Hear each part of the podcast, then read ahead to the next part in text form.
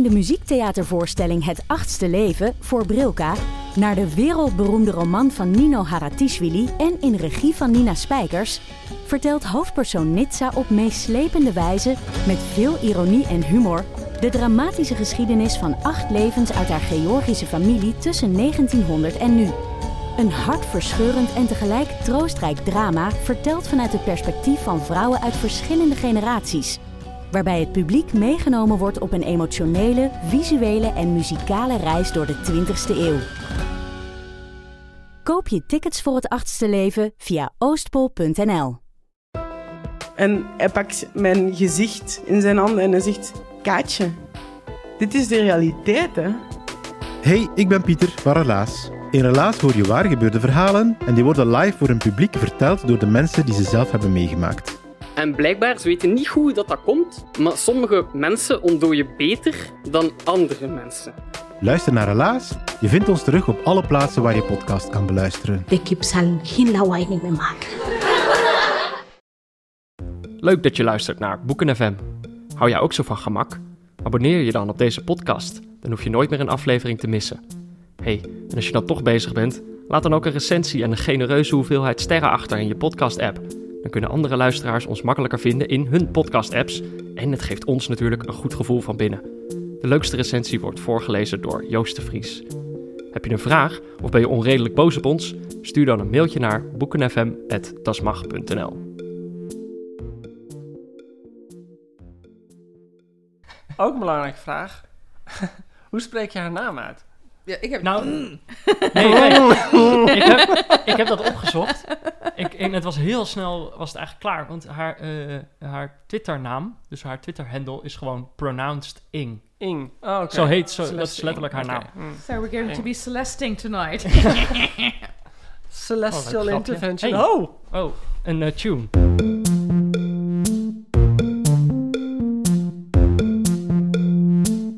Zijn we er klaar voor, jongens? Ja. Welkom bij Boeken FM, de podcast van Das Mag en de Groene Amsterdammer over boeken en de inhoud ervan. Vandaag hebben we het over Kleine Brandjes Overal van Celeste Ing. Het gaat over de familie Richardson, een groot burgerlijk Amerikaans gezin in de aangeharkte stad Shaker Heights, Ohio.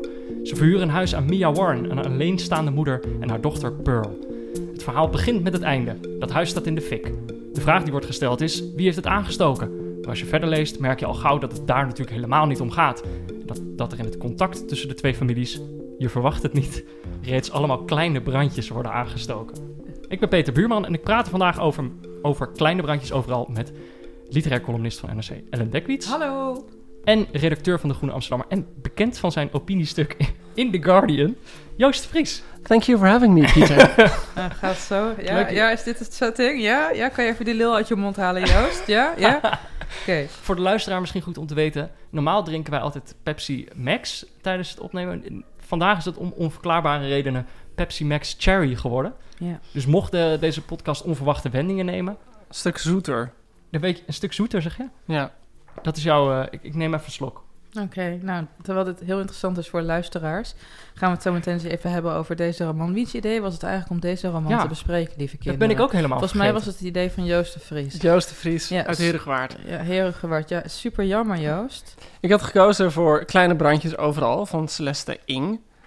Puur op basis dat haar vorige boek... ehm, ehm, Everything, Everything I Never Never Told You eh, echt allerlei prijzen won in Amerika. Echt als een soort van het grote debuut van het jaar. Een paar jaar terug eh, werd opgepikt.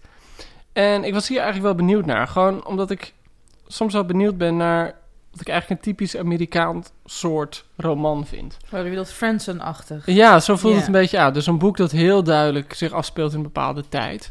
Dus in dit geval speelt het zich 90. af in de jaren negentig. Dus eh, de mensen kijken de hele dag Jerry Springer. Er zit heel erg een soort van voor 11 september gevoel in. Er zit een soort van manier van niet over de maatschappij nadenken in. Wat bedoel je met een voor 11 september gevoel? Nou, ik, ik denk dat, dat als je een moment moet... Kijk, je hebt in Amerika natuurlijk altijd wel de culture wars gehad. En het idee dat links tegen rechts verkeerd... en dat op allerlei verschillende manieren tot uiting komen. Maar er zit een soort van element in... en ik, ik denk dat ik dat met voor 11 september... dat er...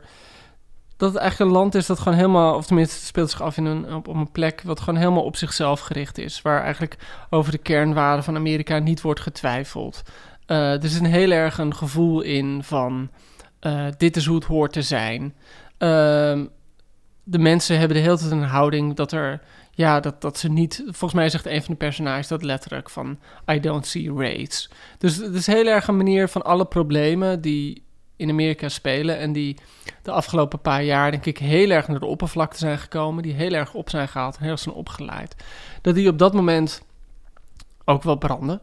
Uh, maar dat het vuur nog niet echt laaiend was. Dus het, het, is nog heel erg weggestopt. Nou ja, wat, wat, ik, wat, wat mij opvalt, het, het, lijkt me niet per se dat het door 11 september komt, maar eerder doordat het nog voor de financiële crisis ja, is. dat, dat, dat en een soort rotsvast vertrouwen in de eigen maakbaarheid en in het perfectie Ja. van het systeem zelf. Maar even terug. Ja. Was dat nou de reden dat jij hem koos, Joost? Nee, nee, ik was, ik was door aan het gaan. Eh, dus, dus aan de ene kant speelde zich heel erg op zo, in zo'n bepaald moment af, de jaren negentig. Aan de andere kant heel erg op een vaste, vertrouwde locatie. Namelijk de suburb, de, de, de eindeloze buitenwijk in Amerika, waar het gezond overal even groen is ehm, op het eerste gezicht. En waar iedereen meerdere auto's heeft en, en de gezinnen eh, keurig bij elkaar wonen. Ehm, dat ideaal, wat natuurlijk echt zo'n typisch Amerikaans ideaal is. Dus ik was eigenlijk was ik er gewoon benieuwd naar, naar is dit nou zo'n grote ideeachtige roman die zo typisch Amerikaans zijn? Ik heb eigenlijk al heel tijd niet meer zo'n soort boek gelezen, omdat ik er een beetje van afgekeerd was. Maar ik was hier eigenlijk wel weer eens nieuwsgierig naar. Maar, maar ik proefde het een maar. Ja, maar ik heb het idee dat, dat zijn we al bij de Maars beland. Nee, die kunnen we misschien inderdaad wel uitstellen. En in dit geval was dit ook zo'n boek waarvan je meteen weet. En ik weet niet, het, het, het, het zijn niet per se de boeken waar ik altijd als eerste naar grijp, maar soms verplicht ik mezelf om er toch naar te kijken. Wat heel erg uitstraalt dat het zo'n well-crafted novel is. Dus het heet Kleine Brandjes Overal. En in de eerste scène, eerste bladzijde, is meteen een enorme brand aan de hand. Dus het gezin, eh, het huis van de familie Richardsons, dat zeg maar het centrale eh, gezin is in de het centrale familie in het verhaal, wordt afgebrand. En meteen heeft iedereen het erover wie heeft het gedaan. En dan in de loop van het boek wordt die vraag wie heeft het gedaan, wordt natuurlijk opgelost. En ondertussen krijg je, want zo gaat het altijd op het moment dat er dan zo'n crisis plaatsvindt, dan worden van alle mensen, alle personages, krijg je natuurlijk alle geheimen te weten, alle spanningen worden op spel. Dus ik was eigenlijk gewoon benieuwd om weer zo'n well-crafted novel te lezen. En ik, dacht, ik, ik was benieuwd of, of dit dat zou zijn. Ja. En jij, Ellen, hoe heb jij, hoe heb jij dit beleefd? Eh, nou, eh, oh, ik, ik, wa- ik was wel gefascineerd toen ik begon te lezen, want ik begreep ook, dit, dit, dit boek was ook in de prospectus al aangekondigd, het zou wel de zogenaamde zomerhit, eh, Amerikaanse zomerhit in Nederland worden. Je ziet nu ook overal bij Atheneum die posters hangen. Mhm. Eigenlijk wat vorig, of twee jaar geleden The Girls was, van Emma Klein. Dat is een beetje dit boek van deze zomer. Ja, zo voelt het een Zo- beetje zo- aan inderdaad. Ja. Dus daarom had ik sowieso wel zin om erin te beginnen. En kijk, ik hou van dat soort big American novels, weet je wel, waarin je eigenlijk generaties meekrijgt. eh, eh, Amerikaans leven, wat dan symbool staat, of wordt gesymboliseerd door één gezin. Maar ja, ik begon erin. En weet je, het, het, het, het, het is inderdaad, het zit heel goed in elkaar in die zin dat het een plot heeft waardoor je de hele tijd wil doorlezen. Want het is natuurlijk ook omdat je vanaf het begin weet dat het huis van die Richardsons gaat in de fik op. Ja. Eh, heeft degene die wordt geaccuseerd in, de eerste, in het eerste hoofdstuk het ook daadwerkelijk gedaan? Hoe zit het? Waarom? Dus je wil doorlezen. Ja. En ik had telkens ook zin om door te lezen in het boek, maar tegelijkertijd dacht ik ook de hele tijd van... Ja, maar om even... Dat, we komen straks terug op de bol. Maar Ja. ehm, het, het plot is dus zo, om- even voor de duidelijkheid... Het, het begint met die brand, maar die brand is eigenlijk het einde. Dus je krijgt Ja. niet zeg maar de nasleep daarvan, je krijgt de, de voorsleep. Je, je krijgt een voorsleep en na- daarna schakelt het ehm, verhaal een jaar terug in de tijd. Toen de familie eh, Warren, dus Mia, alleenstaande kunstenares met haar dochter Pearl van 15, gingen in hun intrek nemen in een huis van de Richardsons. Ja, die verhuren een, een, een woning. Het is Ja. een duplex woning. En daar zit dan wel gelijk zo'n zo'n beschouwing in... waar je denk ik naar op zoek was, mis- misschien wel Joost... Dat, dat is dan zo'n duplex woning, maar van buitenaf is niet te zien. Ja, dat, Dat vond ik heel grappig. Dat, dat begint meteen in het... Ik zal even kijken, ik had dat opgemerkt. Eh, nee, inderdaad, het wordt meteen zo gepraat. Het is zo'n zo'n dorp en dat, eh, je merkt dat die Celeste Ing heel veel plezier heeft in de suburb beschrijven. En eigenlijk het ideaal dat erin zit. En ehm, Er moet bij worden opgemerkt trouwens, dat zij komt ook, zij is opgegroeid in Shaker. Ja. ja. Zelf. Ja, ze En- schrijft over... Ja, nou. En nou goed, ja, goed, het gekke is, je kan dat boek eigenlijk openslaan en je vindt wel ergens een, een mooie beschrijving van hoe die wijk eruit ziet. En ehm, Weet je, dat, dat beschrijft ze op een gegeven moment. Shaker Heights werd officieel een stad. Er waren negen basisscholen. En voor de high school was een net nieuw bakstenen gebouw opgeleverd. Overal werden nieuwe paleisjes van huizen opgetrokken. Allemaal conform de strenge stijl vereisten en passend in het kleurenschema. En allemaal gebonden aan een 99-jarig convenant dat de doorkoop verbood aan iemand die niet door de buurt was goedgekeurd. Regelgeving en orde waren noodzakelijk, drukten de bewoners op elkaar op het hart om ervoor te zorgen dat hun buurt zowel een eenheid als een esthetisch verantwoord bleef. En ehm, Want dat is het, die wijk is ooit gebouwd met een ja, soort ideaal. met een soort ideaal. En, en ik bedoel, dat is natuurlijk een heel ehm, bekend gegeven in literatuur. Dat als iets vanaf de eerste bladzijde wordt opgevoerd als een ideaal, dan weet je dat dat ideaal niet Ja. stand zal houden. Ja. Eh, dus, dus inderdaad, en dat vond ik wel een mooi voorbeeld. Dat dan wordt beschreven dat al die huizen er eigenlijk uitzien alsof ze alsof gewoon eensgezinwoningen zijn. Maar zijn dus eigenlijk zo sneaky, zo ingericht dat ze gewoon verhuurd worden voor een Ja. deel. En dat er meerdere Ja, gezinnen dus wonen. dat er binnen pas twee voordeuren zitten Ja. of zo. En, Ja. eh, maar dat is dan inderdaad eigenlijk waar dat ideaal al dan met die... Zodra je de deur open doet, valt het ideaal. Ja. Inderdaad. Ja. En dat, dat, dat is dus, dat huis is van de familie Richardson. En zij verhuren dat dan, in dit geval, wat, eh, zoals Ellen al zei, aan Mia en Pearl Warren. Ja, en die Richardsons, dat zijn ook mensen die hun leven leven alsof het een ideaal moet zijn. Dus je hebt de, de, de man, eh, eh. Bill, Bill, Bill Ja. meen ik, eh, Ja. die is advocaat. En de vrouw Elena is, is journalist of verslaggever. Die vrouw, die naam Elena valt bij nooit, want ze wordt stevast gewoon mevrouw Richardson genoemd. Ja. En die heeft, eh, en haar kinderen zien ze ook helemaal als gewoon hun grote sociale project. En die kinderen moeten perfect zijn. Nou, Ja. dat houdt meteen eigenlijk al niet vol. Ja. Dat weet ze je al heel vier, Ze snel. hebben vier kinderen. Dus En eigenlijk op, ja, ze hebben vier kinderen: Trip, Lexi, Moody en Izzy. Nou, dat Ja. zijn echt eh, lekkere dingen. En er komen dus Mia en Pearl bij wonen. En zij zien eigenlijk, eh, ze hebben dan een afspraak met die Mia dat zij mogen dat andere huis gratis bewonen. En dat zien en in ruil voor dat die Mia wat huishoudelijke taken doet. En dat zien zij echt als een soort Nee, van. nee, Joost, dat is niet zo. Nee, ze, ze mogen daar wonen. Ze hebben eigenlijk het geld niet nodig van de huur. Eh, maar ze mogen daar wonen omdat mevrouw Richardson dan gelooft dat ze iets goeds doet. Ja, nee, dat wil ik net zeggen. Ja, Ze heeft echt het ja. idee dat dat een soort van filantropisch idee is van zo help ik die mensen. En die families, en dat vind ik wel heel goed besch- beschreven, die, die, die raken eigenlijk met elkaar, eh, zeker die dochters, die raken heel erg met En dat, dat zet iets op spanning. En eigenlijk laat, met die komst van Pearl, dus die dochter van Mia, komt er toch een soort van onvoorspelbare factor in dat gezin, wat die moeder niet aan kan. Want Ja. die wil dat het niet voorspelbaar is. Die wil dat het controleerbaar en maakbaar is. Dit is die, die, die moeder van de Richardsons. Ja, ja. ja. En Mevrouw wat, wat, Richardson. wat, wat handig is om te weten is dat Pearl van ongeveer dezelfde leeftijd is als eh, de kinderen Richardson. Ja. Lexi is de oudste. Ja. Die is eh 17, bijna 18. Dan heb je eh, Trip, de, de GV Joke, de sportieve, de knappe jongen die alles kan. Die Ja. zal een jaar of wat eh 16 zijn. En dan heb je het meest tragische personage, eh, tweede zoon Moody, die een ontzettende crush heeft op Pearl, maar gewoon nog harder door haar wordt dan Jorah Mormont door Daenerys Targaryen. Om te janken. En tenslotte hebben we daar een Jorah beetje de... Ja, Sajora Friendzone. En tenslotte hebben we daar Izzy, die is 11 jaar, is een beetje de Björk van de familie, eh, gemixt met ehm, de Unabomber. Want zij is dus Ja. eh, chronisch boos. Zij is, zij is radicaal. Zij weet met behulp van een pakje tandenstokers de school een hele dag lang plat te leggen. Ik ga niet verklappen hoe dat gebeurt. Maar zo krijg je dus een hele interessante mix. Krijg je iemand van buitenaf die eigenlijk ehm, Pearl en Mia zijn duizenden keren al verhuisd. Dus Pearl is eigenlijk zonder wortels, zonder gezin, zonder vriendenleven opgegroeid. En die komen opeens bij zo'n ontzettend gezapig klassiek voorbeeld van de American Dream. En dat, ja, dan krijg je de poppetjes aan het dansen. Hè? Ja. En ehm, waar af en toe een interessant personage voorbij komt, zoals bijvoorbeeld die Moody, natuurlijk eigenlijk in kern diep tragisch is en of ze op zijn gitaar plooit en waarschijnlijk maag blijft tot zijn 21ste. Gewoon een klassieke puberjongen eigenlijk. eh, nou ja, misschien was jij zo, Peter. Ja, ik bedoel, ja, ja. ik weet, wij, wij- wij waren, wij waren anders thuis. Ehm, maar eh, je krijgt eigenlijk eh, een soort standaard chemie tussen de jongeren ook. Kijk, en wat het voor mij leuk maakte om te lezen... eh, Celeste mm, is uit 1980, ik ben uit 1982. Dus dit was een feest der Ah. herkenning. De muziek die ze luisteren, de tv- tv-programma's die ze kijken. Maar daar hield voor mij verder de lol eigenlijk ook wel bij op. Want, en ik kijk even naar jullie heren... Ik, heb, ik weet niet of het aan mij ligt, maar ik vond het een bijzonder geconstrueerd verhaal. Geconstrueerd in die zin dat ik me kan voorstellen dat Celeste Ing op een avond met een fles port op de bank zat en dacht, nou, ik ga eerst even een aantal thema's bedenken en vervolgens een paar symbolen daarvoor uitdokteren en dan schrijft die roman hups in één keer op. Oh ja. En dat gevoel bekruipt mij heeft mij heel vaak bekropen tijdens het lezen van dit boek. Maar jij hebt het nou he- heel specifiek over de thematiek dus, of niet? Zowel de, zowel de thematiek als de symboliek.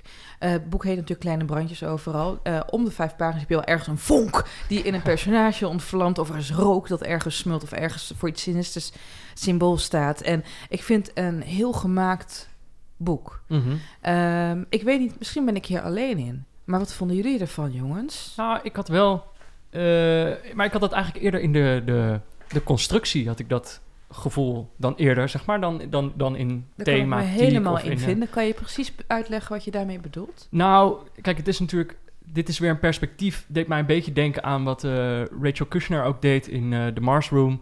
Zo'n perspectief dat, dat redelijk vloeibaar is. Dus dat echt van personage naar personage gaat. En dat elk personage de, echt een, wel de ruimte geeft om zichzelf te, te, te laten kennen. Ehm, en dat gaat hier... Dat, oh, ik hoor, dit, is, dit klinkt voor de luisteraars heel eh, spannend heel waarschijnlijk. Ik, ik ben heel spastisch vandaag, dus ik heb net al mijn microfoon opvergeduwd. De doffe ploffen die jullie hoort terwijl Joost het eerste Ja. stuk aan het reciteren was. Dat was ik met een fles Cherry Max. Ging ook niet helemaal goed. Maar terug naar jou, Misschien Peter. viel het heel erg mee. Maar dit, Ja. dit was een vergelijkbaar perspectief naar mijn idee. Dus dat eh, de, het perspectief verschuift steeds naar een ander personage... Waarin, wanneer de verteller het Ja. idee heeft dat het nodig is. Nou ja, ja, ja al, al is dit auctorialer. Dus je krijgt Ja. ook heel vaak, eh, als, alsof ze een soort Dostoevsky is, hangt ze erboven. Maar wat ze niet wisten, Ja. was dat Bebbe helemaal niet in verwachting was geweest. Dus je hoort de hele Ja. tijd zo'n oud-Russische stem van God Ja, overheen. ik had dat ook genoteerd op een gegeven moment. Fijn. Oh, dat is op pagina, de pagina opgeschreven hoor. Dus dat ga ik even bijpakken. Dat ik, het hang- hangt dan al de hele tijd heb je al een beetje het gevoel dat het inderdaad zo geconstrueerd is. En op een gegeven moment eh, dacht ik, ja, nu, nu heb ik je. Dat is dan zo'n zin als ondertussen had, had Lexi ook zo haar romantische strubbelingen. Ja, ja, ja. Als dan een- ja, ja. Meanwhile, back at the farm. Ja, Meanwhile in the Batcave. Ja, dat soort dingen. Maar ook bijvoorbeeld dat er dan... eh, er wordt ergens een prop in de prullenbak gegooid... en dan weet je onmiddellijk al... Oh ja, Dat gaat gevonden. Ja, dit, dat- ko- dat- dit, dit gaat dit mis. komt weer... te- Pistool Ja. van Tsjechov. Ja. Ja, ja maar dat... Oh. God, je zou, Oké. je zou bijna vergeten dat we een rubriek hebben. Ik was het serieus vergeten. Ik was echt verrast. Ehm, ja, ik vind... We kunnen het hier nog niet echt over hebben. Over eh, of je het je moeder zou aanraden of niet. Ehm, maar laten we daarom eerst even de lezersvragen doen. Dat is misschien wel leuk. Zijn er ja, er zijn lezersvragen. Zijn deze keer ingesproken door Merel. Degene die deze podcast altijd produceert, die ma- maakt. Omdat eh Marcia is op vakantie. En net is mij verteld waarheen. Oh ja, Canada. Ja, dat was het. Dus Merel spreekt ze deze keer in. Hoi Peter, Ellen en Joost. Soms, als ik me verdrietig voel of niet lekker in mijn vel zit, lees ik een bepaald boek dat me dan troost biedt. Vaak zijn dat bijvoorbeeld de verhalen van Toon Tellegen. Hebben jullie zo'n soort troostboek en welke is dat dan?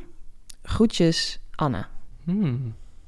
Oh, dit vind ik wel een lastige eigenlijk, als ik eerlijk ben. Ja.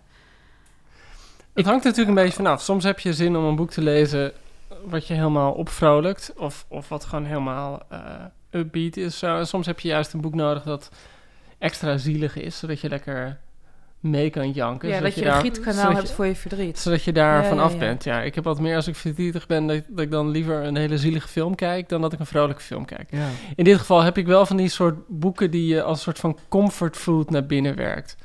Dus ik denk dat ik The Secret History van Donna Tartt... Oh, wel echt eh, Oh, drie of vier keer heb gelezen. Dat is zo'n boek waar je dan zeker weet... dat je daar gewoon vier dagen helemaal in kunt verdwijnen. En, en eh, dat is echt zo'n heel ultiem verhaal... over een groepje studenten en, en iemand die erbij hoort... En, of die er niet bij hoort en die erbij wil horen. En ze plegen een moord en er is seks en er is drugs. En ze hebben het over de, de, de oude klassieken en... ehm, Naamvallen. ja, een, een naamvallen inderdaad. en, ehm, dus dat, dat is zo'n heel ultiem boek dat als je gewoon even wil verdwijnen...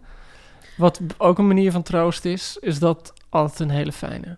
Ja, en ik denk dat wel een premisse hierbij is dat je het verhaal ook al kent. Want dat vind ik fijn. Als Dat vind ik heel heb ja. Voor voorspelbare dingen. Ik heb twee boeken die ik graag lees als ik verdrietig ben uit mijn jeugd. Die ik als, je, als, als, als kind en tiener echt heb verslonden. Eh, T.H. White, The Once and Future King. Ja. Over King Arthur. En De Negende van Avalon, ook over King Arthur. Ook Maar- omdat je weet waar je aan toe Maar bent. dat is inderdaad, dat is denk ik een heel belangrijk onderwerp. Dat je weet waar je aan toe bent. Ja. Je hebt ook met bepaalde films. Als je, je weet gewoon van, oké, eh, al ga ik Good Will Hunting kijken. Je weet precies waar je gaat halen. It's not your fault. Welke- It's, ja, it's not your fault. gebruik je dat ook wel eens als je, als je, als je zo emotionele constipatie hebt? Ja, nee, op- dan is het heel lekker. Dus juist het Ja, herkenbare ja, van ja. het boek, inderdaad, als je de troost zoekt, Hmm. eh, moet je niet iets lezen. Weet je, oké. En wat, wat ik soms ook gewoon heb met sommige boeken, weet ik ook nog helemaal waar ik was toen ik ze las. En door dan juist die boeken te herlezen, ben je voor je gevoel ook weer terug op die plek. Ja. ja, ik heb zelf dus niet zo... Kijk, het zal, het zal de leeftijd wel weer zijn, maar ik herlees dus eigenlijk nauwelijks. Eh, misschien ben ik, eh, ben ik nog niet op die leeftijd. Omdat je dat ik dat 16 ga doen. bent. Ja, Eh, Peter Buurman, sorry. dames en heren. Ik zie dat nog. 16 jaar. ik ben Is nog, het Never been kissed. Ja, inderdaad. maagd. Ja. Ik ben nog zo op die leeftijd dat ik, dat, dat ik denk dat dat zonde is van mijn tijd. Eh, maar, dus dat ik eigenlijk... Maar ik heb dus wel... Ik vind wel troost in, in meer de... Hoe zeg je dat? De handeling van het lezen zelf. Dus dan hoef ik niet per se altijd hetzelfde verhaal te hebben. Maar ik vind het eigenlijk al best wel lekker om dus wel een nieuw boek te pakken. Ja. En om dan je daar gewoon op te storten. Maar ja, als ik dan terugdenk, boek waar ik wel veel troost in heb gehad... is dat het niet echt een verhaal of zo, maar wel omdat het een beetje simpel was om te lezen voor je gevoel. Het werd gewoon heel goed verteld. Het is, eh, hoe heet dat nou? Short History of Nearly Everything van Bill Bryson. Oh, ja. Wat dan echt gaat over, over alles voor je gevoel. Eh, en dat duurt ook maar heel erg lang. Eh, ik vond dat wel een, een, een fijn Ja, boek en om te ik- lezen. Ik kan me voorstellen dat ik daar nog naar wil terugkeren. Nog, nog even los inderdaad, want we moeten toch een tip geven voor deze ik ja, heb- verdrietige ik heb, ik heb nog luisteraars. een tip trouwens. Eh, wat- Wat je als eerste boek kan lezen, wa- wa- wat je, een boek dat je niet eerder gelezen hoeft te hebben. Ja. Een plotloos boek. Tonkat van Peter Verhelst. Vind je dat een mooie tip? Ja, Is dat fantastisch. Dat is mijn tip. Wat, gebeurt, wat gebeurt in van alles en tegelijk helemaal niks, maar het is op zo'n weergeloze manier beschreven. Je wilt aan één stuk doorlezen. Nou, ik zou ja. bijvoorbeeld willen zeggen van juist zo'n boek dat gewoon lekker wat eindeloos doorgaat. Dus juist zo'n tandeloze tijd van AFTH is ook heel lekker om in te verdwijnen. Mhm. En om even helemaal los te komen van je eigen leven en je gewoon over te geven aan, aan iemands anders lezer. Welk boek ik trouwens wel heel vaak cadeau heb gedaan en ehm, dat heb ik echt wel heel vaak cadeau gedaan en nog nooit een slechte reactie op gehad is Bobcat van Rebecca Lee. Nee. En ehm, in het Nederlands vertaald als Links. Het zijn hebben verhalen mensen- en die zijn echt schitterend. Mensen hebben daar troost in Ja, gevonden. daar hebben mensen wel echt ehm Wat goed. van mee kunnen huilen. Ja. Wat goed. Ja, ik zou dan toch... Ik zou zeggen zoiets als, zoiets als Bill Bryson. En dan vooral gewoon lekker echt ervoor gaan zitten. Zodat je er ook helemaal eh, in kan verdwijnen. We hebben nog een vraag. Hallo Boek FM. Wat vinden jullie de beste en slechtste boekverfilming ooit? Ah, Mag ik? Mag Mogen we ik hier een hele Ja? uitzending Ja, over maken? een uitzending. Ik wil beginnen. Slechtste boekverfilming ooit, ooit los van of de film slecht was, eh, is eh, Under the Skin van Michael Faber. Dit Je begint ook te schreeuwen Ja, meteen. nee, ik, ben hier, ik ben hier heel gepassioneerd over. Dit boek, eh, deze roman gaat over een alien die mannen ontvoert om, Ja. om er intergalactische hamburgers van te maken. Het boek is ook al bij de vorige aflevering aan bod gekomen. Het is verfilmd met eh, Scarlett Johansson. Ze hebben een soort van arthouse film van gemaakt waarin ze een beetje in haar naki voor mannen loopt te dansen die in een pool of een soort bubbelbad verdwijnen. Lang ingewikkeld verhaal. Het verhaal, het origineel is zoveel mooier dan de film. Ze hebben uit de film alleen maar... Ze hebben een soort abstract ding van gemaakt... waarbij een vrouw mensen verleidt... en uiteindelijk zelf niks dan een, zwart vacuüm blijkt te zijn. En ik vind het zo zonde van het originele Mm. verhaal. Dat is gewoon high fantasy science fiction. En ze moeten daarvoor allemaal worden afgeknald. Wat vinden jullie de slechtste boekverfilming, jongens? De slechtste, nou, de slechtste en de beste heb ik hetzelfde antwoord op. Nou ja, goed, laat ik eerst dit zeggen. Mm. Ehm, de films van Lord of the Rings zijn beter dan de boeken. Dus wat dat betreft eh, is dat een hele goeie. Maar wat ik, wat ik een, een goed voorbeeld is uh, Brightside Revisited van Evelyn Waugh. Dat is ooit verfilmd. Dat is zo- zo'n bekend boek uit eh, de jaren 40 over een, een jongen op Oxford die bevriend raakt met een hele aristocratische familie en eigenlijk die ondergang van die familie meemaakt. En dat is één keer, dat is voor het eerst gefilmd door de BBC. Die hebben er een, een miniserie van gemaakt van tien afleveringen van een uur. En die is geweldig. Dat was de doorbraak van Jeremy Irons. Die is echt heerlijk met prachtige decors. Zo heel landerig, heel langzaam. Neemt overal perfect zijn tijd voor. Dat is echt een, een miniserie die ik, eh, die ik op DVD een aantal keer heb gekeken. En echt prachtig is. Vervolgens hebben ze er ook keer een film van gemaakt. En dan ja, proberen ze alles wat, er, Oh, wat, wat ze zeg maar, waar de BBC 12 uur voor uittrok, trok, hebben ze daar geprobeerd in anderhalf uur. En dat is dan zo banaal en plat en vreselijk is het gewoon. Dat je echt, daarna zat ik, ik zat er echt naar te kijken in de bioscoop en dat ik me echt persoonlijk beledigd voelde. Ja, maar ik denk dat het gebeurt vooral als je dus als je eerst een boek hebt gelezen. Toch als je eerst het boek hebt gelezen en dan die film gaat kijken. hoeft niet per se, want nee. wat, wat mijn favoriete boekverfilming is, waarbij de film echt met afstand eh, het boek overtreft, zijn, is Harry Potter deel 5 tot en met 8. Zeker de Deadly Hal- Hallows deel, deel 1 is zoveel beter dan het boek. Dat is gewoon subliem. Waar zit dat dan in? De, sti- de verstilling, ehm, het feit dat de personage in tegenstelling tot in de latere delen van de romans... eh, toch de, de, een meer lagigheid krijgen. Ook de, de diepte en het weltschmerz dat het puberteit met zich meebrengt... wordt ontzettend mooi bij die films in beeld gebracht. Nee, ik vind, ik vind het zwaar superieur aan de Hmm. boeken. Ehm, ik vind het niet zwaar superieur aan de boeken, maar ik ga met je mee. Dat de, de, Oh, de- ja, ik ga Ik gewoon echt zo schrijf hem op. Ik ga gewoon, ik ga gewoon Oh, met je mee. Joost Dat, mee. die- de Half-Blood Prince en eh, Deadly Hallows, deel 1 en 2, dat die inderdaad zeker net zo goed zijn als die boeken, ja. Dat is echt... Dat, Schatje, maar je gaat echt, Harry Potter deel 5 is echt een kutboek met een dikke K. Dat is echt gewoon dat je wel, dat is echt maar je bedoelt de verschrikkelijk. Order of the Phoenix. Ja, dat is de, vind ik echt het beste boek uit de serie. Omdat, zo- omdat het, er niks gebeurt. We moeten nog een keer Eh, een Potter Ja, wanneer heb jij. Wernicke afgezien? What the fuck. Gaan- Dan gaan we, dus zullen we dat doen? Tegen kersttijd een Harry Potter eh, podcast? Zijn ze ook ja. allemaal op, de, op tv? Om, om lekker actueel te zijn. Ja, toch? ja, ja. Zitten we er bovenop? Ja, ik weet het niet. Er zijn best wel wat eh, Nederlandse boekverfilmingen. Ik, ik probeer al de hele tijd te bedenken of ik die dan heel erg slecht vond, maar ik ben ze eigenlijk dan Ik alweer... vond karakter een goede boekverfilming. Ja, ja, dat is een hele Minder goeie. saai dan het roman. Ja, maar ik had laatst, dat is denk ik twee jaar terug of zo, of misschien wel drie jaar terug, de Helleveeg was toen verfilmd. Ja. Dat vond ik helemaal niks. Eh, dat ben ik gewoon al bijna weer vergeten ook. Ja, nou ja. Eh, ik heb daar niet zoveel antwoorden op dus eigenlijk. Ik dacht, ik probeer wat... eh, Dat kan. ik dacht, ik probeer wat Nederlandse boeken te vinden. Ehm, dit was dan... We hebben geen vraag meer, toch? Nee, we hebben geen vraag meer. Moeten we door met het verhaal? Celeste Ing, wat vonden jullie van het thematiek van de moederschap? Want dat zit natuurlijk op een aantal verschillende manieren heel erg in. Zwaar geforceerd. Op drie... Oké, oké. ik- oh, sorry. Ik wil, Jochie, ik wil eerst, ik wil eerst nog voor even de lezer opnemen uitleggen. anders? Ja, overnieuw. Ehm, wat vinden jullie van de... Om even terug te gaan naar Celeste Ing. Wat vinden jullie van de thematiek die heel nadrukkelijk aanwezig is? Namelijk over het moederschap. Dat wordt op drie manieren zit dat heel niet te missen in het boek. Allereerst eh, heb je het verhaal van de oudste dochters van de Richardson. eh, Lexi, die per ongeluk zwanger raakt eh, als, als 17, 18-jarige van haar 17. domme vriendje. Je hebt het verhaal van de goede vrienden van de Richardsons, die ooit de McCullochs, die ooit een vondeling hebben geadopteerd. Een, een Chinees meisje dat bij de brandweerkazerne is afgegeven. Ik neem aan dat de brandweer in dat dorp iets beter is dan de brandweer in Amsterdam. Ehm, Minder macho cultuur. Minder macho-cultuur. En nu wil de moeder die het ooit heeft afgestaan, of het heeft weggegeven, die is weer hersteld en die wil het kind terug. Dus dat is het dilemma. En dan heb je nog een verhaal van een eerdere huurder die ze hebben eh, gehad, de Richardsons, die een draagmoeder was. En toen eigenlijk heel erg in conflict raakte met zichzelf of ze het kind nog wel wilde afstaan.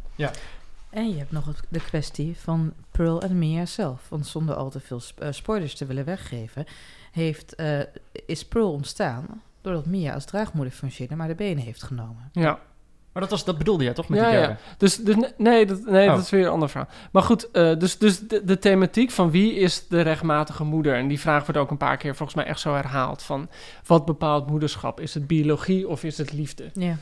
Ehm, dus ik was eigenlijk wel benieuwd. Nou, ik, ik vond het uitermate geforceerd. Ook de spiegelmotieven. Ik zal een voorbeeld noemen. Wanneer mevrouw Richardson op zoek gaat om het duistere verleden van Mia uit te pluizen, heeft ze uiteindelijk de ouders van Mia gevonden. En op het moment staat ook geschreven in het boek dat zij een st- een stap over de drempel zet bij, die ouder, bij het ouderlijk huis van Mia. Trekt haar dochter Lexi het operatiegewaad aan om een abortus te ondergaan. Weet je wel? Dus het is allemaal ontzettend. Het, het ligt er voor mij te dik op. Eh, en ook dat hele nature versus nurture verhaal. Is moederschap erfelijk of is het maakbaar? Dat correspondeert natuurlijk heel erg met het idee van de American Dream... die vanuit Heights wordt uitgedragen. Ja. En dat, dat heeft ze zo niet subtiel erin gezet. En kijk, het, het, het punt is... Het, het punt wat ze uiteindelijk lijkt te maken is... eh, je kiest je eigen familie. Dat, dat is eigenlijk de kern, heb ik het idee van deze roman. Maar daar heeft ze zoveel ongeloofwaardige plotwendingen voor nodig. Ik zal een voorbeeld geven. Op een gegeven moment wordt Mia, die wordt in de metro achtervolgd door een man als ze student is, metro in New York. En eh, ze wordt helemaal bang. En na een paar uur stelt hij zich toch maar aan haar voor. En het blijkt dat hij haar als draagmoeder wil, want ze lijkt een beetje op zijn vrouw. Ik denk, ja, Ja, ja. Nou, en wat soms misschien ook wel een verschil is tussen Nederland en Amerika, is voor een groot deel gaat het dan over die ongewenste zwangerschap van Lexi, die 17-jarig is. Heel erg over de vraag van, goh, dan krijg je toch een beetje de vraag van abortus, mag dat wel? ja. Is dat, en ik bedoel, het is Amerika, het speelt zich af in de jaren 90. Maar gewoon nu, in, en als je het zeker in Nederland leest, en ik bedoel, een abortus is natuurlijk sowieso een hele heftige ervaring. Maar er wordt op een manier soort van moeilijk over gedaan dat, dat je dat nu bijna niet meer heel erg voelt op die manier. Dat je veel meer denkt van, god, dat meisje staat helemaal in de recht, wat ze ook beslist. Ja, is dat zo? Want in, in de Verenigde Staten is dat toch juist meer, meer een soort discutabel thema geworden. Juist nu... eh, Ik heb het idee dat, dat, die pro-life beweging... Ja, ja, oh, nee, maar ik bedoel, als je het nu leest in Amsterdam in 2018. Oh, ik denk dat in Amerika Oh, zo, ja. inderdaad is het Ja. hè, Roe versus Brown, dat, dat, eh, dat, dat eh, die uitspraak dat een vrouw eh, dat recht heeft, dat staat nu heel erg onder de druk opeens weer. En, eh, heb je aan de regering van Trump ook niet echt een goede als je een vrouw bent en baas en eigen baarmoeder eh, wil zijn. Maar eh, waar ik nog wel benieuwd naar ben, wat jij net zei, Ellen, van je vond het allemaal niet subtiel. Maar Ja. hoe, hoe had dat dan subtieler kunnen zijn? Jij bedoelt gewoon echt die, die plotwendingen die volgens jou niet. Plotwendingen vond ik... eh, nee, nou, die, dit vond ik niet zozeer niet subtiel, maar als wel ongeloofwaardig. En eh, wat je, waar deze roman heel erg sterk mee speelt, zijn spiegelmotieven. Dus wat- aan de ene kant heb je mevrouw Richardson, de vrouw van de regels. Aan de andere kant heb je Mia, die ook moeder is, net zoals Richardson. En weet je wel, echt van het losse, het leven los, het leven organisch laten broeien. En het wordt telkens qua, door scènes op een bepaalde manier te arrangeren zo overduidelijk tegenover elkaar gezet, dat ik op een gegeven moment het idee heb dat ze mij als lezer het gewoon echt te erg door de strot wil duwen. Je, je wordt haast niet zelf aan het denken gezet. En dan moet ik erbij zetten. Ik heb natuurlijk literatuurwetenschap gestudeerd. Dus ik ben eigenlijk gewoon getraind om me hier aan te ergeren. Ongelooflijk getraind. Ontzettend getraind. Uh, maar, maar, uh, jij stoorde je hier niet aan, Peter. Want jij hebt wat Grieks en Latijn gestudeerd. Dus je bent Hij andere zit, hij zit nog op de, op de VWO. Ja, dat er waar. me een beetje. Ja, krantenwijk hebben. Ja. Ja. Ja, ik, heb, ik heb inderdaad mijn examen Nederlands niet gehaald, dus ik moet volgend jaar weer overdoen. Nee, maar ehm, ik had, nou, ik snap, ik snap wel wat je bedoelt, Ellen, maar ik, ik snap eigenlijk niet, eh, of nou, wat ik me eigenlijk afvraag is, jij had tijdens het lezen wel al het gevoel, jij zag het allemaal al wel aankomen een beetje. Ik zag het aankomen en ik zag ook eh, alsof ik naar een borduurstuk keek, maar ik kon ook helemaal voorspellen hoe de achterkant eruit zag, waar de knopen zaten, met welke effect de steken waren ingezet. Ik bedoel, ik weet hoe jullie borduren is, maar je zag echt de, het, de gefor- het geforceerde dropen vanaf. Joost, jij hebt natuurlijk geen literatuurwetenschap gestudeerd, maar je houdt wel van Ik een ben een barbaar. Ja, inderdaad. Ja. Wa- wa- Wat was jouw bevinding? Nou, waar ik met dit boek mee zat. ehm, ik weet niet hoe je dat precies moet noemen, maar het voelt. Laten we de Hollywoodisering van literatuur nemen. En het idee, eh, soms is een beetje iets binnen buiten gekeerd. In het verleden schreef iemand een heel mooi boek en er wordt dan een film van gemaakt. Nu heb je wel eens het gevoel dat mensen een boek schrijven zodat er een film van kan worden gemaakt. Interessant. En dat voelde bij dit boek op een aantal manieren voelde dat heel nadrukkelijk aan. We moeten zeggen dat op As We Speak Ja. eh, Ja. Reese Witherspoon eh, de rechten al heeft gekocht Ja. en er een, een miniserie van Voor wil Hulu, maken. Ja. En zo voelt het ook helemaal aan. Je- Ik bedoel, je ziet helemaal het decor, je ziet de personages, je ziet bij wijze van spreken de acteurs en actrices zie je al voor je. Het heeft een bepaald van heldere setup eh, die zich zo makkelijk in een tv-serie laat vangen dat het ook bijna niet meer met literatuur te maken heeft. Het is zo, ehm, zo glad gemaakt op een bepaalde manier. En, en Stop, je, je, zegt- je, zegt iets interessants dat bijna niets meer met literatuur te maken heeft. Wat versta je dan in dit geval onder... Nou, laten we het zo zeggen. Ik bedoel, Wat gaat er verloren straks? Ehm, je hebt niet het gevoel dat dit, om te beginnen, een werk is dat in taal is ontstaan. Ja. Ik bedoel, over de stijl kunnen we denk ik heel simpel zijn. Eh, die is er gewoon niet echt. Ik bedoel, het wordt gewoon heel vlot verteld. Het, het, het, het- Niet mee, ik, ik, dan, dan doe je haar tekort. Ik vind het echt wel goede observatie. Er zitten ook echt best wel sterke metaforen. Ik vind het beter verteld dan, een- dan zo'n doorsnee grote Amerikaanse Oké. roman. ben ik wel met je eens. Maar het- ik bedoel, de, de, de taal is voor mij niet op zo'n manier... De taal is er vooral om jou als lezer vooruit te helpen Ja. door het verhaal heen. Het is, het Ja. is niet iets dat echt op zichzelf staat wat dat betreft. Ehm, daarnaast heb je personages. Alle personages zijn ongeveer één ding. En dan is er nog een klein kantje. Dat je echt helemaal ziet van... oh, wacht, zo kan je nog net even laten zien... wat ook iets anders is. Dus het voelt gewoon heel erg... Het voelde voor mij heel erg aan... alsof ik gewoon een slimmere variant... van Desperate Housewives aan het lezen was. Mhm. En ehm, dus dat is wat ik een beetje bedoelde met die Holland. Je Maar voelt Joost- bijna alsof je meer een filmscript leest. Ik interrumpeer je wel even. Waar zit dat slimmere hem dan in? Sorry, wat? Het, Waar, waar zit het slimmere er dan in? Van Desperate Housewives? Ja. Ja, nou heb ik alleen de, eh, de eerste paar afleveringen gezien van Desperate Housewives. Nee, Misschien nee. mag ik dat waardeoordeel niet geven. Nee, nee, maar, nee, nee, nee, maar... waar- ehm, eh, op ik, ik, vind het, ik vind het... Kijk, Desperate Housewives was voor mij heel erg eh, over de top. En cliché. En dat is dit niet. Weet je wel, ik bedoel, het is ook wel gewoon met... eh, ehm, met primaire kleuren geschilderd, weet je wel. Het is heel duidelijk in wat het is, maar het is ook weer niet clichés. En het, ik bedoel, het is ook weer niet zo dat je de personages van botkarton zijn. Ik bedoel, er is wel meer dan dat. Nee, maar het ligt allemaal wel redelijk... Maar het ligt wel het ligt bovenop. Ja, ja, ja, ja, ja, ja. ja. Maar jullie waren, jij had het aan het begin, had je, over, had je het over een well-crafted novel. Ja. Dus dan heb je het over de, de craft van een, van Ja, een maar- novel maken. En dat is dus niet, is dit, dit is dus geen well-crafted novel. Nee, dit is juist een crafted novel. Ja. Een well-crafted. En dat is een soort... Het is een soort van backhanded compliment. Eh, ja, sorry, ik schrijf voor The Guardian, dus ik gebruik veel... maar ehm, ehm, het idee is eigenlijk dat een boek puntgaaf is. En je leest het en je denkt, oh, goed gemaakt, wat ga ik nu eten? En het idee is van een roman... Het, de mooiste romans, zeggen we altijd, zijn romans die een beetje mislukt zijn. Dat zijn romans waar iets raars aan is, waarin iets niet helemaal wordt opgelost. Waarin je toch langer over na blijft denken, waar niet alles meteen duidelijk wordt. Waarbij niet op elke, antwoord, eh, op elke vraag een antwoord komt. Dat zijn toch de boeken waar iets geks mee is. Mhm. Eh, Ja. En dat is, dat, dat is dit niet, denk Nee, ik. maar Ellen zegt volgens mij net iets anders. In de zin van, jij, jij hebt het idee dat de craft te zichtbaar Ja. is. De constructie te De zichtbaar. constructie is voor mij te zichtbaar. Want, en maar dat kan ook dus verpest zijn, omdat ik dus getraind ben om die lagen eruit te halen. Maar ik zie Als een echt, commando ben je getraind. Je hebt geen idee. Ik ben een jongen. Ik zie overal de lasnaden zitten. En dat vind ik gewoon jammer. Want ik, ik raak er ook niet meer echt verrast. Want ze bouwt bijvoorbeeld ook bepaalde plotwendingen. Die bouwt ze al een paar pagina's van tevoren in. Mhm. En daardoor zie ik het zelf van meters ver af eh, aankomen. Die prop die in de prullenbak valt. en Jongens, die- die dat, prop. dat soort dingen, inderdaad. prop. Ja, nee, dat, Ja. dat zie je. Ik bedoel, Ja. dat is een beetje... Oh, Ja, dan komen we toch bij, bij dat ding. We hadden het net al over moederschap. Is dit dan een boek dat je zou aanraden aan je moeder? En aan je vader. Ik Ja, zou dat het- mag ook. eh, ja, mijn moeder zou het, zou het wel verslinden, maar die zou het een niemendalletje vinden. En mijn vader zou het heel saai vinden. Hm. Ja, wat heb ik daar nog aan toe te voegen? ja, inderdaad. Ik ja. zou het ook wel aanraden aan mijn moeder, omdat ik, omdat ik wel vind dat er daadwerkelijk mooie passages over moederschap in staan. Eh, en ik denk dat zij dat dan ook fijn zou vinden om dat te lezen, omdat zij, omdat zij mijn moeder is. Dus als ik het haar zou aanraden, zou daar dan ook. eh, Ja. Dat ze Wat weten van dat het nog erger kan. Ik eh, sluit me bij jullie ouders aan. Eh, Oké. Daar zijn we kort over. Dat is fijn. Dan kunnen we, kunnen we wel weer terug naar het boek nog heel even. Of, of willen jullie dat niet meer? Zijn jullie het al beu? Nou, weet je, ik denk, ik denk dat we een heel eind zijn gekomen. Althans, wa- wat ik allemaal wilde zeggen is gezegd. Hm. Eh, ik vind het af en toe niet geloofwaardig. De flashbacks zijn rampzalig saai. Dat is ook een kwestie van alleen maar tel, tel, tel. Opeensomming, opeensomming. Het verrast mij eigenlijk nergens. En dat vind ik toch jammer. En die balans over, over well-craftedheid, hè. Mhm. De- de- wat ik heel grappig vind, ik wilde het wel de hele tijd doorlezen. Ja, maar dat had ik dus dat ook. vind ik het knappe. En ik dacht wel van, in tegenstelling heb het vorige boek wat we bespraken, of het daarvorige boek met Henk van Straten, dat was echt dat ik mezelf echt een pistool tegen mijn slaap moest zetten om het door te moeten lezen. En dan denk ik, Mhm. ja, ik wil het toch wel uit hebben. Maar hierbij was het- Henk. Henk. Maar hierbij, hierbij ging het echt lekker. Ja. Ja, Ja. maar dat had ik dus ook. Ja, maar dus, leest heerlijk. Ja, maar dat bedoel ik ook met zo'n wel, dat Ja. bedoel ik ook met zo'n well-crafted novel. Dat Je is je- je- ja, dat is het. Ja. En ik, nou ja, goed. Ja, de tv-serie ga je ongetwijfeld ook bingen. ja. Ja. Nou, dus in die zin is het wel... Ik had nog een ander puntje van kritiek. En dat gaat eigenlijk niet... Dat kan je haar niet aanrekenen. Dat is meer dat we nu dit gedaan hebben...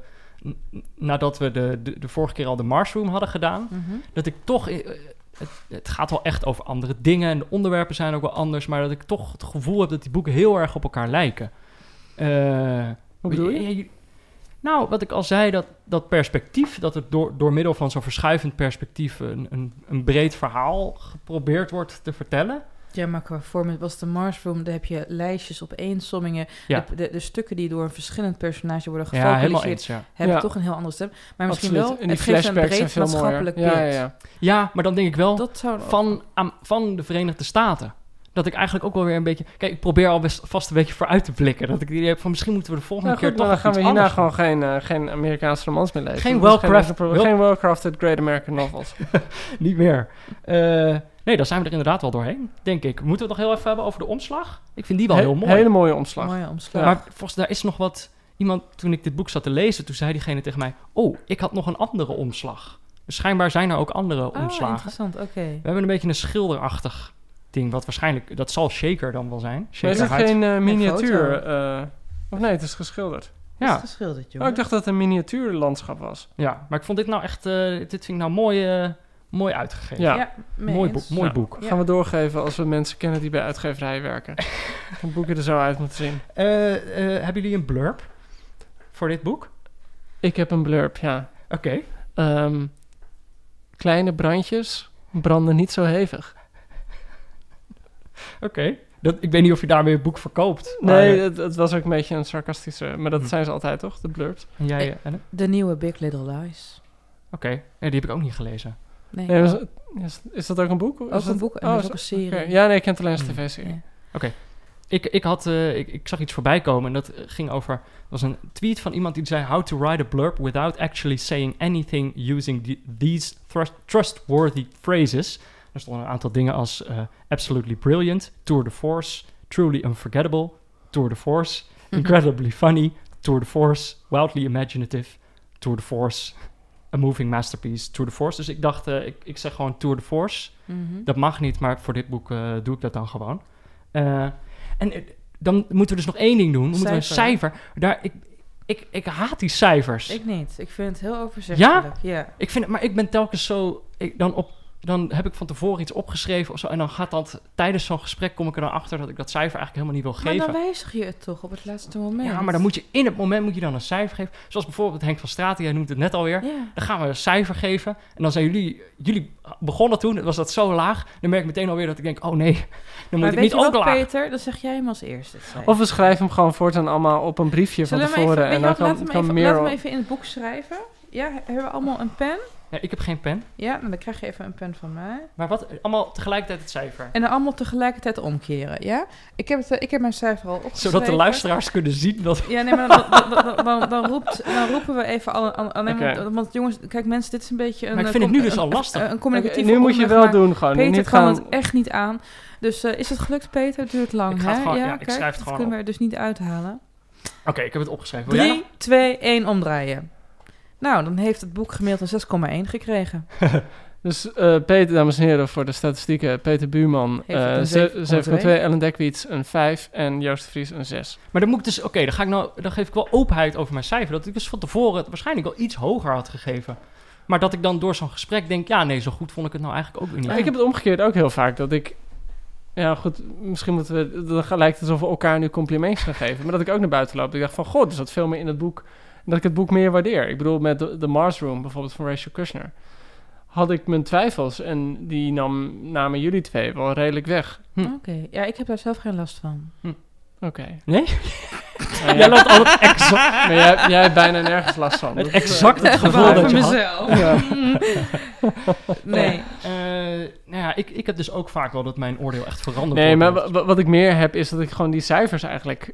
Ik bedoel, als ik zelf te denken van... je hoort een paar mensen op radio praten eh, over mijn eigen boek... en die zeggen dan van nou, het is een 7. Ja. Dan zou ik echt denken, wat de fuck, weet je wel? Of, Ja. of oh, het is een 4, laat- dat zou ik nog... Ja, maar het dus ik voel me er wel heel raar bij altijd. Ja, maar het was ook als een grapje bedoeld. En ik dacht in het begin ook, oh, dat wordt wel grappig. Maar ik vind het dus helemaal Het niet. wordt ik veel vind te het helemaal niet grappig meer.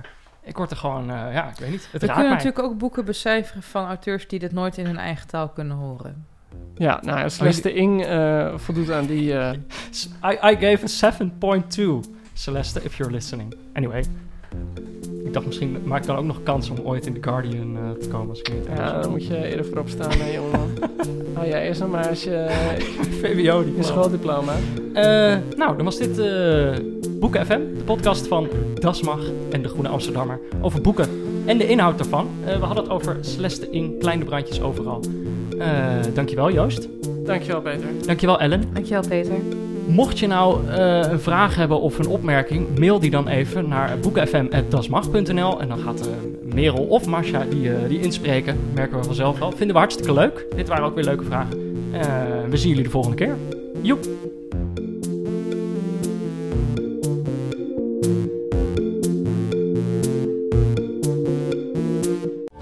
Over die grootse en epische muziektheatervoorstelling.